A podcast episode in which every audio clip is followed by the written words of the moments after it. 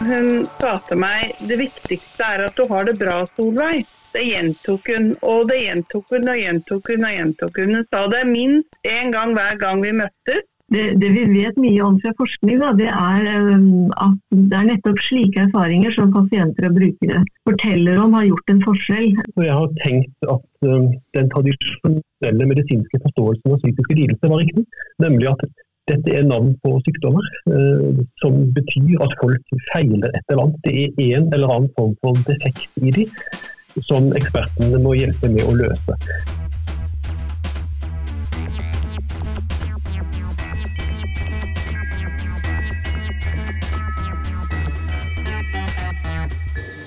Tru det eller ei, folkens, men uh, plutselig så var året omme, og vi skal feire jul og nyttår. Jula er høytida som mer enn noen andre ferier forbindes med å være sammen. I psykisk helse- og rustjenester er gode relasjoner en forutsetning for at andre tiltak får effekt. En terapeutisk relasjon kan være avgjørende for at andre tiltak virker etter hensikten. Nå har NTNU samfunnsforskningforsker Marit Helene Hem vært medredaktør for en ny bok, Relasjonens betydning om fundamentet i psykisk helse og rusarbeid. Marit er med i dagens Forskerpodden-episode sammen med Trond Fjetland Orre og Solveig Kjus. Det er som vanlig programleder Vegard Y. Smevold som ønsker velkommen til NTNU Samfunnsforsknings egen podkast Forskerpodden. Velkommen. Og Marit Helenhem, velkommen til ditt andre besøk her i Forskerpodden-studio. Takk for det. Hva er en terapeutisk relasjon, Marit Helene? Eh, ja, I innledningen til boken så skriver vi jo at eh, vi blir til i relasjoner, og vi kan både vokse og heles og skades og gå til grunne i relasjoner. Så dette er den ideen hele boken hviler på. Eh, nemlig at en relasjon er terapeutisk når de skadene eller problemene som vi har med oss pga. vanskelige relasjonelle erfaringer, blir mildnet eller kommer i et annet lys som følge av det vi kan kalle korrigerende erfaringer med, som den terapeutiske relasjonen gir. Så For å ta et eksempel. Da, eh, hvis du har erfaringer med å eh, være sviktet og kanskje har du en forestilling om at du ikke er verdt å elske, så kan en god relasjon til en empatisk hjelper eh, som er der over tid og tåler deg, gjøre at du kanskje begynner å tenke annerledes om deg selv. Så kanskje oppdager du at du har kvaliteter som eh, gjør at andre liker deg. Det igjen da, kan gjøre at man begynner å oppsøke personer som er gode for deg. Dvs. Si gjøre gode valg for seg selv, til forskjell fra å gjøre dårlige valg. Så dette kan bli en selvforsterkende god sirkel, i motsetning til en selvforsterkende negativ sirkel. Så dette betyr også at relasjoner vi har til familie og venner, også kan ha en terapeutisk funksjon ved at de bidrar til at man får det bedre. Eh, men det er en forskjell på en profesjonell relasjon og en privat relasjon. Eh, og forskjellen er at i den profesjonelle relasjonen så er det hjelperen som har det faglige og etiske ansvaret for relasjonen.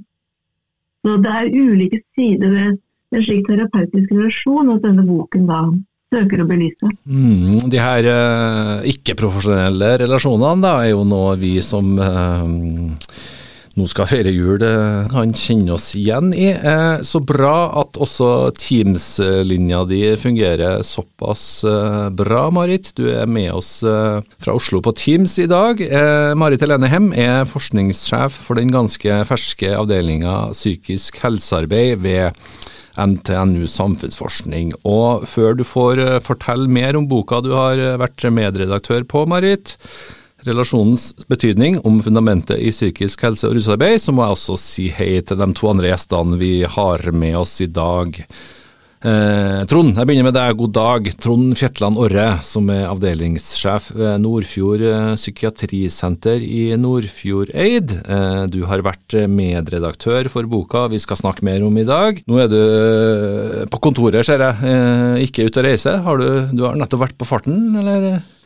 Nettopp hatt en liten permisjon for å skrive litt mer. det kommer godt med å få konsentrere seg om faglige ting i tillegg til det vante arbeidet. Mm, enda mer skriving, det høres spennende ut. Men nå er det noen uh, litt roligere arbeidsdager før det blir ferie, eller? Ja, du vet, det er aldri mye lediggang i helsetjenesten, så vi har nok å stelle med. Fra Asker er også Solveig Kjus med i dagens Forskerpodden-episode. Hei, hei, Vegard. Takk for sist, eh, får jeg jo si da, Solveig. Takk for sist.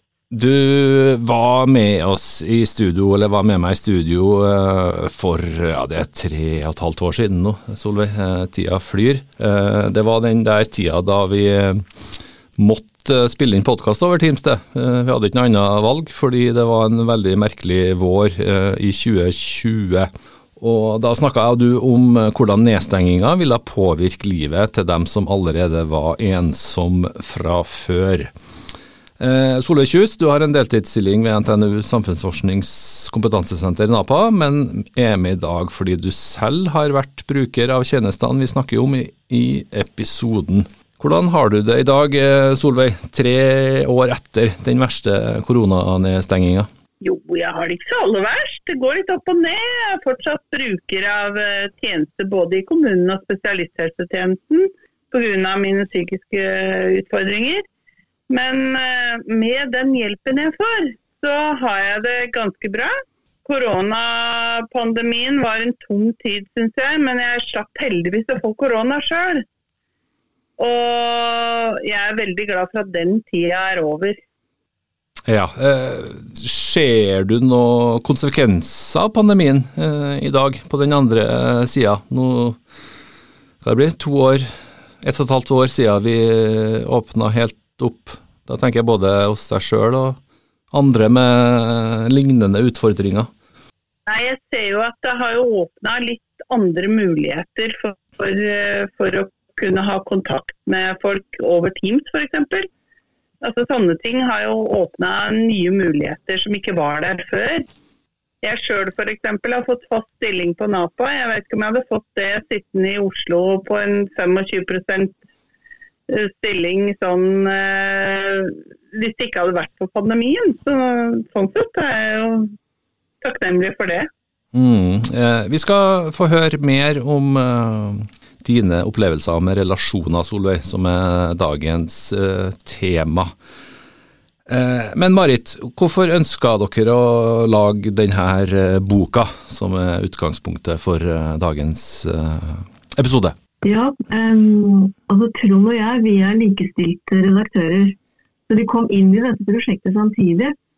Uh, opprinnelig så jobbet vi på et annet prosjekt som ikke ble noe av. Uh, men vi hadde veldig lyst til å uh, få belyst hvor viktige relasjoner er da, i psykisk helse- og rusarbeid. så Derfor så ønsket vi å samarbeide om å lage en slik bok. Ehm, det gjøres veldig mye godt arbeid innenfor de psykiske helse- og rustjenestene. Det, det hører vi bl.a. våre studenter beskrive når de forteller om arbeidet sitt. Og det var, var liksom dette vi ønsket å få belyst. Og, og, boken, det er litt viktig for meg å si, boken er et resultat av eh, den forskningen både vi og, og alle de medforfatterne som er med eh, og bidrar i boken, Um, altså den forskningen vi alle da har vært involvert i de siste årene. Um, noe som er sentralt i det å drive relasjonelt arbeid, det er jo um, betydningen av å lytte og ta den andres perspektiv. det behøver ikke være ditt perspektiv, men det handler om å gå over broen til den andres land, da, for å si det litt sånn poetisk. Og mm. utforske hvordan verden ser ut derfra. Ja, riktig. Uh, og vi vet Ja, bare fortsett. det, det, vi vet mye om fra forskning, da, det er at det er nettopp slike erfaringer som pasienter og brukere forteller om har gjort en forskjell når, de, når, de, skal beskrive hvordan de har følt seg hjulpet. Det er det at hjelperen har kommet i møte, at, hjelperen kanskje har strukket, at de føler at hjelperen har strukket seg for å uh, forsøke å forstå hvordan de har det. Og så har jeg litt lyst til å si også noe om mine, min personlige motivasjon i dette. Fordi Eh, når jeg tenker tilbake, så har jeg faktisk vært opptatt av relasjoner hele livet, både privat og profesjonelt. Og jeg har eh, hatt veldig stor glede av å lært mye, ikke minst om eh, det å utforske hva som skjer i relasjoner. Og hvordan man kan veldig raskt drive ned en relasjon gjennom tillitsbrudd. Men samtidig hvordan man også kan skape gylne øyeblikk da, som gjør at uh, man bæres videre. det er et fundament i boka tror jeg vi kan si da, er at det er i det relasjonelle livet at vi kan vokse og modnes og bli den beste utgaven av oss selv. Og, og å, forsøke å gå inn i det og trenge inn i det, det er rett og slett uh, en fascinerende reise. Mm. Hvor uh, lenge har du vært opptatt av uh, relasjoner, da, Trond Fjetland Orre? Jeg har arbeidet som lege her på Nordfjord siden 1990, og i de psykiatriske spesialisthelsetjenestene i over 30 år. Eh, og har jo alltid vært opptatt av relasjoner, men jeg har nok eh, fått øynene opp for hvor viktig de er, først og fremst i de senere årene. Når jeg har gått eh, nærmere inn på hva, hva forskningen faktisk viser oss om hva som er og ikke er nyttig behandling for våre brukere. Hvordan ble du kjent med Marit? da? Ja, Det var gjennom det andre prosjektet som hun nevnte. Men vi har også faktisk vært medforfattere tidligere i en bok om etikk i psykiske helsetjenester. Vi har nok visst om hverandre. Men det var jo veldig kjekt å få arbeide så tett sammen med om et eh, såpass krevende og stort prosjekt som det er. Når man skal lage en bok som består av uh, mange kapitler skrevet av litt forskjellige fagfolk, og som likevel skal prøves å preses inn til å få en form for enhetlig profil. I et av kapitlene, Trond, så tar du og Marit Helene hjem et ja, skal kalle det et lite oppgjør med den eh, medisinske modellen i psykisk helse og rusarbeid, altså den ordinære medisinske modellen. Hvorfor, eh, hvorfor, gjør dere det? Takk for at du stiller dette viktige spørsmålet. Og det er jo nettopp dette min, min, stadig større skepsis til den medisinske måten å forstå psykiske plager på, som gjør at jeg har fått øynene opp for hvor vesentlige de relasjonelle sidene ved arbeidet vårt er. Som sagt er jeg utdannet lege, og jeg har tenkt at uh, den tradisjonelle medisinske forståelsen av psykiske lidelser var riktig. Nemlig at dette er navn på sykdommer, uh, som betyr at folk feiler et eller annet. Det er en eller annen form for defekt i dem som ekspertene må hjelpe med å løse. Og skal, de problemene Pasientene skal behandles ved at man korrigerer disse underliggende avvikene eller defektene som er inni dem. Og Det har ført til en veldig interesse for forskjellige psykoterapiteknikker eller forskjellige molekyler som skal korrigere disse defektene som er i pasientene. Eh, det har etter mitt syn vært en storstilt feilinvestering i eh, både i forskningen og i praksisen. Fordi det viser seg nemlig at disse såkalte spesifikke effektene av disse metodene vi har vært så opptatt av, forklarer så veldig lite av den bedringen vi faktisk ser i behandlingen. Det ser jo ut, når man sammenstiller forskningsfunnene, både innenfor legemiddelforskningen og psykoterapiforskningen, som det er relasjonelle aspekter og ting som ikke har noe med disse teknikkene å gjøre, som forklarer mesteparten av den bedringen vi ser. Og Da er det jo nærliggende for meg, som, også som virksomhetsleder her, som skal prøve å, å gi folk et opptaksområde og fornuftige helsetjenester, og prøve å få maksimalt ut av disse relasjonelle sidene ved behandlingene. Istedenfor å fortsette å tenke at disse spesifikke teknikkene skal være veien ut av uføret. Mm, hvordan har det vært for deg å gjøre denne oppdagelsen? Ja, jeg må si at jeg skulle på mange måter privatpsykologisk ønske jeg ikke hadde gjort den. Det er mye mer behagelig å hvile seg på det gode, gamle og trygge. Men når man begynner å, når du føler at du begynner å trekke tette ut under beina på deg selv, så blir du ustøtte bein. Litt svimmel og, og lurer litt på hva det var, alt dette som du trodde på før. og Man blir jo usikker på svært mye. Um, og Det er kanskje ikke det verste man kan være. Uh, å fortsette å være spørrende og tvilende tror jeg kanskje har en, en verdi. Uh, for dette faget må jo videre. Har ikke oppnådd de resultatene som vi lovde folket da vi satset på den medisinske forståelsen. Og da da får vi ta sjansen på å komme oss ut i et annet lende.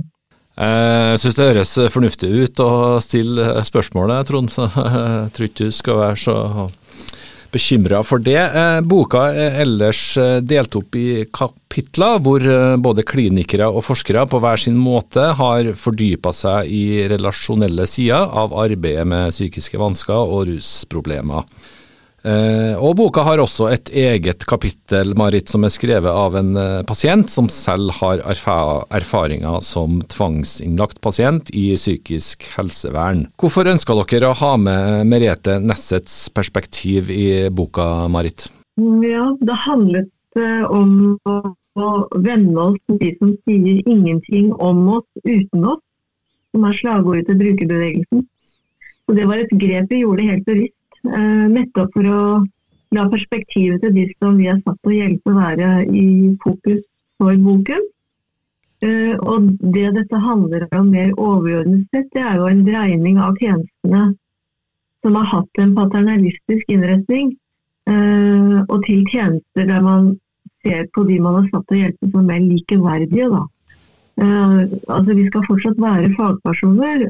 vi har en unik kompetanse, men den blir helt nytteløs hvis uh, ikke vi forstår de vi skal hjelpe, eller hva som står på spill for den andre. Litt sånn fritt sitert fra den danske filosofen eh, Søren Kirkegård. Og det kapitlet til Merete Nesse, det, ble, det var det første kapitlet som uh, forelå ferdig skrevet. Uh, og da ba vi bokens øvrige forfattere om å skrive sine kapitler med innsiktene fra Merete. Så slik er dette kapitlet, som er kapittel to i boken, et uh, referansekapittel. Hvordan uh, tok de den utfordringa, syns du, å kommentere uh, Meretes kapittel? Alle tok det på strak arm, og jeg tror at de opplevde at det å skrive kapitlet med Merete sitt kapittel som et referansekapittel. Jeg tror de opplevde det som veldig eh, meningsfullt og lærerikt.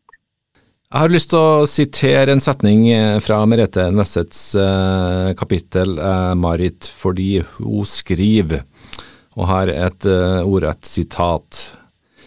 De medmenneskelige kvalitetene hos mine hjelpere har skapt flere gode minner i meg enn de psykiatrifaglige intervensjonene jeg har vært utsatt for.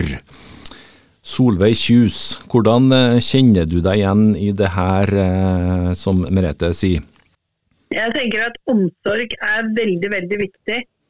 At den som eh, skal hjelpe genuint, bryr seg. Ellers så tenker jeg det er helt nytteløst. Kan du fortelle den beste historien du har om hvilken rolle medmennesker har spilt i behandlinga du har fått? Ja, jeg hadde en sykepleier som fulgte meg opp hjemme i syv år. Mesteparten av den tiden så var jeg tvangsmedisinert. Og det var hun som i og for seg var med på alle tvangsmedisineringene. Men hun fulgte meg opp også utenfor det, og hun sa til meg det viktigste er at du har det bra, Solveig. Det gjentok hun, og det gjentok hun og gjentok hun og gjentok hun. Hun sa det minst én gang hver gang vi møttes. Og vi møttes sånn i snitt et par ganger i uka i de sju årene. Og hun ikke bare sa det, men hun viste det også. Hun viste meg hvordan jeg kunne være god mot meg selv. Hun ga for det første verdens beste klemmer. Og hun og jeg gikk ofte på kafé, og hun var der for meg og viste meg at det betydde noe at jeg hadde det bra. Men selv om hun sa det og viste det, så var det for meg helt greit. Det som den gangen betydde noe for meg, var å være flink, få til ting og bety noe for andre. Om jeg hadde det bra, betydde egentlig ingenting for meg. Helt irrelevant, liksom. Det tok meg faktisk ti år, altså tre år etter at jeg hadde avslutta kontakten med denne sykepleieren pga. noen omorganiseringer. Etter ti år så begynte jeg å tenke Kanskje det er noe i det USA? Kanskje det, kanskje det faktisk ikke var så helt på jordet? Og så begynte jeg da å, å bli bedre mot meg sjøl. Ikke ha det så kaldt i stua på vinteren. Og kjøpe blomster til meg selv og en del sånne ting som jeg ikke hadde gjort før. unne meg litt mer, liksom. Jeg savner henne jo selvsagt fortsatt. Og nå er det vel nærmer seg vel ti år siden vi avslutta den kontakten. Men, eh, men, først og fremst så bærer jeg det med meg som et veldig kjært minne. Og hun hjalp meg virkelig framover i bedringsprosessen. Mm. Hvordan uh, syns du det her høres ut, uh, Trond, som uh, psykiater? Dette er jo en litt annen historie enn den som jeg lærte om på doktorskolen. Der fikk jeg inntrykk av at min oppgave måtte være å komme med sterk medisin eller veldig skarpsindige samtaler. Som på en eller annen måte skulle gjøre den andre helbredet for en eller annen defekt inni seg. Mm. Men så er det vel antagelig slik at uh, forskjellen på pasienten og terapeuten er vel utdanningen, stort sett. Uh, det er vel ikke så mange pasienter det er noe galt med, egentlig. Men livene er vanskelig, og de trenger bistand. og når vi iblant gjør særlig vellykkede um, intervensjoner og spør pasientene hva det var som virkelig var best, så får vi nesten aldri det svaret om at det var den rette resepten du skrev ut, eller at det var akkurat den tolkningen du hadde av den kommentaren. Det er veldig ofte helt andre grunnleggende relasjonelle ting de peker på, som har vært avgjørende for at de har kommet seg videre. Det dreier seg jo grunnleggende sett om at folk blir sett som den de er i sitt eget perspektiv, hvor man har tilstrekkelig respekt og innlevelse. Slik at man kan forstå hvordan dette livet er fra den annen side. Eh, og så er det jo veldig store variasjoner i akkurat hva som treffer den enkelte som, som nyttige tiltak. Men, men legg merke til det som Solveig sier om varigheten og forpliktelsen i relasjonen. Det tenker jeg betyr ganske mye. Mm, for det høres ut ja bemerker det at i, i, boka vår har vi et eget kapittel om eh, relasjonsarbeid når det haster. Altså, fra akuttpsykiatrien hvor mye står på spill, og du møter folk veldig kort, men i avgjørende situasjoner. Også der er det jo veldig vesentlige relasjonelle poenger man må tenke på. Det høres, det høres, jo ut som uh, varigheten her da, Solveig, er lenger enn de møtene dere hadde for ti år siden. Du har det med deg helt fram til i dag? Ja, og det er også mye pga. Eh, den behandleren jeg har i dag, som har, eh, som har liksom sagt det at og bygd videre på det som jeg fikk av denne sykepleieren. Den nye behandleren min eh, har aldri sagt til meg at nei, det er slutt den relasjonen der nå, nå får du bare eh, innstille deg på at, uh, at, nå må vi gå videre, liksom. Du har aldri sagt det. Du har i, i, i, stedet sagt det at jeg forstår at dette betydde mye for deg, og på en måte latt meg få romme det og kunne bygge videre på det. Selv om de er helt forskjellige personer, så har jeg på en måte kunnet, uh, kunnet bygge videre på det, det jeg fikk av den sykepleieren gjennom den nye behandleren min. Merete Nesse, i kapittelet i boka så konkluderer hun på omtrent denne eh, måten. Hun sier at eh, medmenneskelighet trumfer fag, spesielt i de første pasientmøtene. Hva tenker du om det utsagnet, Solveig? Jeg er delvis enig i det. For personalet som ikke har nok faglig pondus, de blir fort regelryttere. Fordi de ikke tør å tenke selv. Fordi de rett og slett ikke har, har den tryggheten i seg selv til å klare å, å stå i en eventuell konflikt seinere hvis de tar et valg som ikke er helt etter boka. Og jeg har snakka med mange som eh, sier det at personalet som tør å gå litt utenfor boksen og skreddersy for den som sliter, det er det som hjelper aller, aller mest. Men hvis ikke de har de medmenneskelige kvalitetene, så hjelper det ikke med fagkunnskap. Og det aller verste jeg har opplevd i så måte i forhold til behandling, det er basal eksponeringsterapi. Jeg var innlagt på BET, som de kaller det på kort, eh, i fem måneder. Og noe av det første jeg ble møtt med når jeg kom dit, var livet er jævlig, du står helt aleine. Og det var absolutt ingen av de som jobba der inne som brydde seg om hvordan jeg hadde det. Det var grusomt og veldig traumatiserende. Faktisk mye mer traumatiserende enn den tvangsbehandlingen jeg var utsatt for i mange år. Det høres ut som at vi fortsatt har behov for fagpersonen, da, psykiater eh, Trond Fjetland Orre? Ja, jeg må si. Etter hvert som jeg har eh, utviklet meg faglig og forlatt denne medisinske tankegangen om de psykiske lidelsene, så har jeg jo lurt mye på hva vi fagfolk egentlig er til. Eh, siden det kanskje ikke er noe sånn avgjørende ekspertinnsikt som bare jeg har, så må vel nytten av meg eh, som fagperson bestå i noe annet. Men jeg bare Hvis du ser på psykoterapiforskningen, som har sett på hva det er som gjør at noen terapeuter er så mye flinkere de, eller får så mye bedre resultater enn de andre, så dreier jo det seg jo selvfølgelig om evnen til innlevelse og opprettholdelse av respektfulle relasjoner. Men, men man byr jo på mer enn en bare te og sympati. Hvis jeg eksempel, hvis du Vegard blir dårlig nå, og så kommer du til meg, eh, så får du sterk medisin, så vil jeg si at du, det var godt du kom til meg. Det var godt du kom til oss. Dette har vi greie på, dette har vi vært med på før. Og det, heldigvis har vi en medisin som hjelper mot akkurat dette. Og skal du ta det hver dag, komme tilbake en gang i uka, så vi kan følge med på hvor frisk du blir. Og hvis et eller annet rart skulle skje og det ikke slår til likevel, så skal vi finne på noe annet. Dette er en ganske kraftfull kommunikasjon. Som er helt uavhengig av om medikamentet virker eller ikke.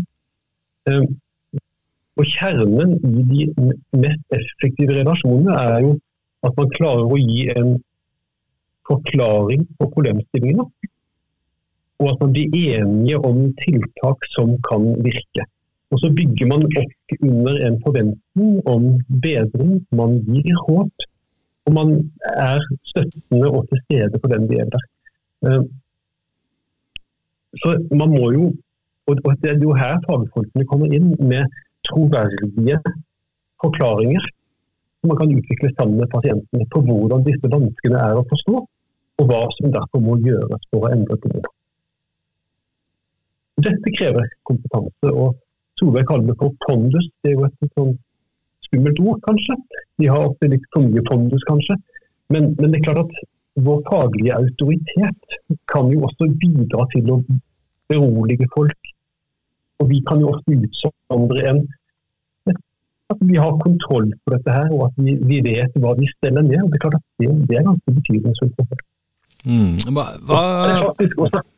Og så er det også noe fag her som dreier seg om at vi vet jo ganske mye om hva man kan gjøre med f.eks unnvikelsesatferd. Hva man kan gjøre for å bryte isolasjon og passivitet. Altså, vi, vi, har jo en rekke teknikker som er til nytte for alle mennesker. Uh, og iblant så tenker jeg at det er kanskje like mye en trener eller en lærer som egentlig en sånn doktor. Hvordan uh, utdanner man uh, sånne som deg i dag, da, Trond, sammenligna med da du var Eh, litt yngre og student. Hva vet du om det? Man må i hovedsak utdannes i praksis. Ehm, jeg synes Et av de mest originale kapitlene i boka vår er skrevet av Rolf Sunde. Ehm, som hele tiden skriver om hvordan han har blitt utdannet av pasientene og familiene han har møtt. Ehm, og jeg tror at hvis Dette faget er altså etter mitt syn ikke sånn at du forteller meg hva som er problemet ditt, og så går jeg i en bok og slår opp hva du trenger. Det, det, det er ikke sånn det funker. Eh, jeg er faktisk nødt til å lære dette faget gjennom å snakke med og tro på de jeg møter. Eh, og en åpenhet på disse erfaringene, som kanskje ikke kan klassifiseres noe sted, er nok en viktig del av den utdanningen vi må gjennom. Så jeg tror det er i praksisfeltet og i møte med de det gjelder, at vi får mest kompetanse. Eh, Marit eh, Helene, vi møter jo de penn også gjennom eh, store deler av denne nesten 300 sider lange boka. Hvordan har reaksjonene på de og Tronds bok vært så langt? Den er positivt mottatt. Mitt inntrykk er at den har et budskap som treffer. Som en mann som Tinapa sa, det er relasjonen. Det er grunnlaget for alt vi gjør. Og det er jo det som kommer frem i samtalen her også nå, syns jeg. Ehm, jeg liker å tenke at boka har også noe litt radikalt ved seg. Eh, den kan leses eh, kanskje som et motkulturelt bidrag i forhold til dagens helsevesen, som jo er eh, drevet etter logikken til New Public Management. Og i helsetjenesten i dag, også de psykiske helsetjenesten, så rulles det jo ut evidensbaserte programmer. Eh, som heter f.eks. FACT, og som heter RPH, dvs. Si psykisk helsehjelp. Så sånn sett så er eh, denne boka også litt gammeldags i sin tilnærming, og det er vi egentlig ganske stolte over. Jeg tenker at vi har tatt et verdistandpunkt med denne boka. Um, I motsetning til idealene om selvstendighet og uavhengighet som ser ut til å stå sterkt i dag, så skriver vi heller da frem en forståelse som, om at grunnvilkåret ved vår tilværelse er vår gjensidige avhengighet av hverandre. Det betyr at vi har makt til å, til å såre hverandre, men vi kan også skape verdighet i møtene med hverandre. Uh, og dette hører vi ikke så mye om i, offentlige, i offentlige dokumenter og styringsdokumenter, men det er, og det vet vi jo, fordi vi er mennesker som lever sammen med andre mennesker.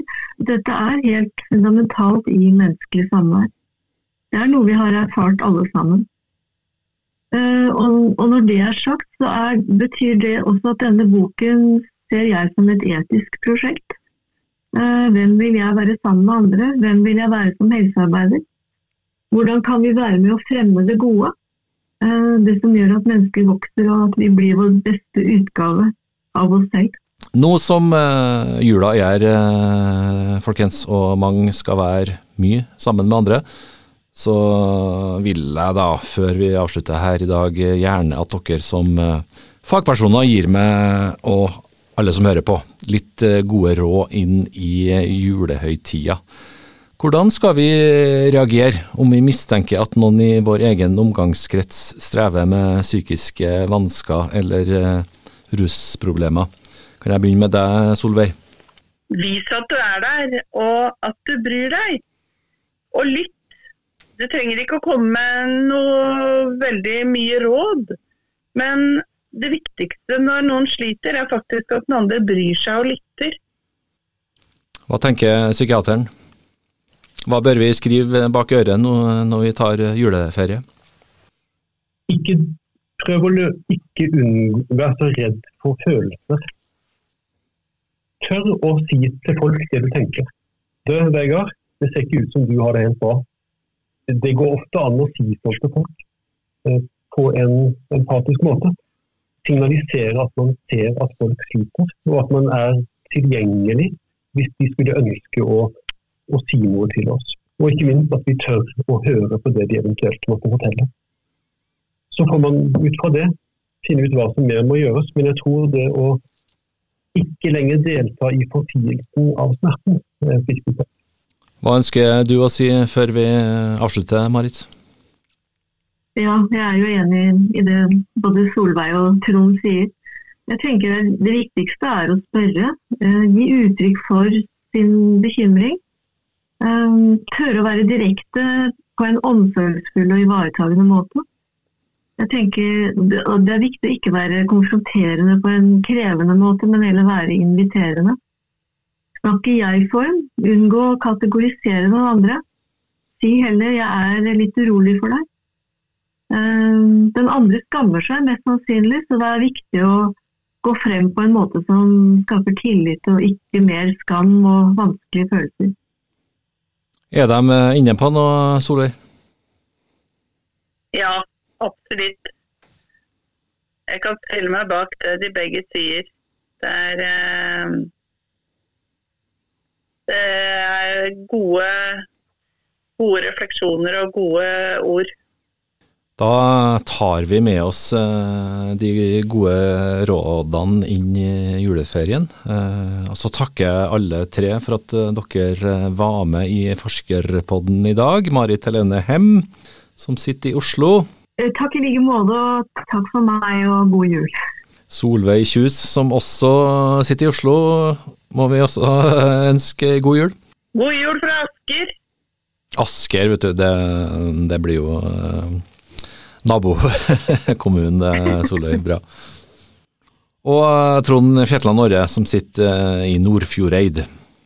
Ja, og Fra Vestlandet får vi også takke for at jeg fikk lov å være med, og ønske alle sammen en fredelig heltid. Takk også til deg som uh, hører på podkasten vår. Forskerpodden er NTNU Samfunnsforsknings egen podkast, som spilles inn i studio på Dragvoll i Trondheim. Navnet mitt er Vegard Ystad Smevold, og da gjenstår det bare å si god jul og godt nyttår, og så høres vi i 2024.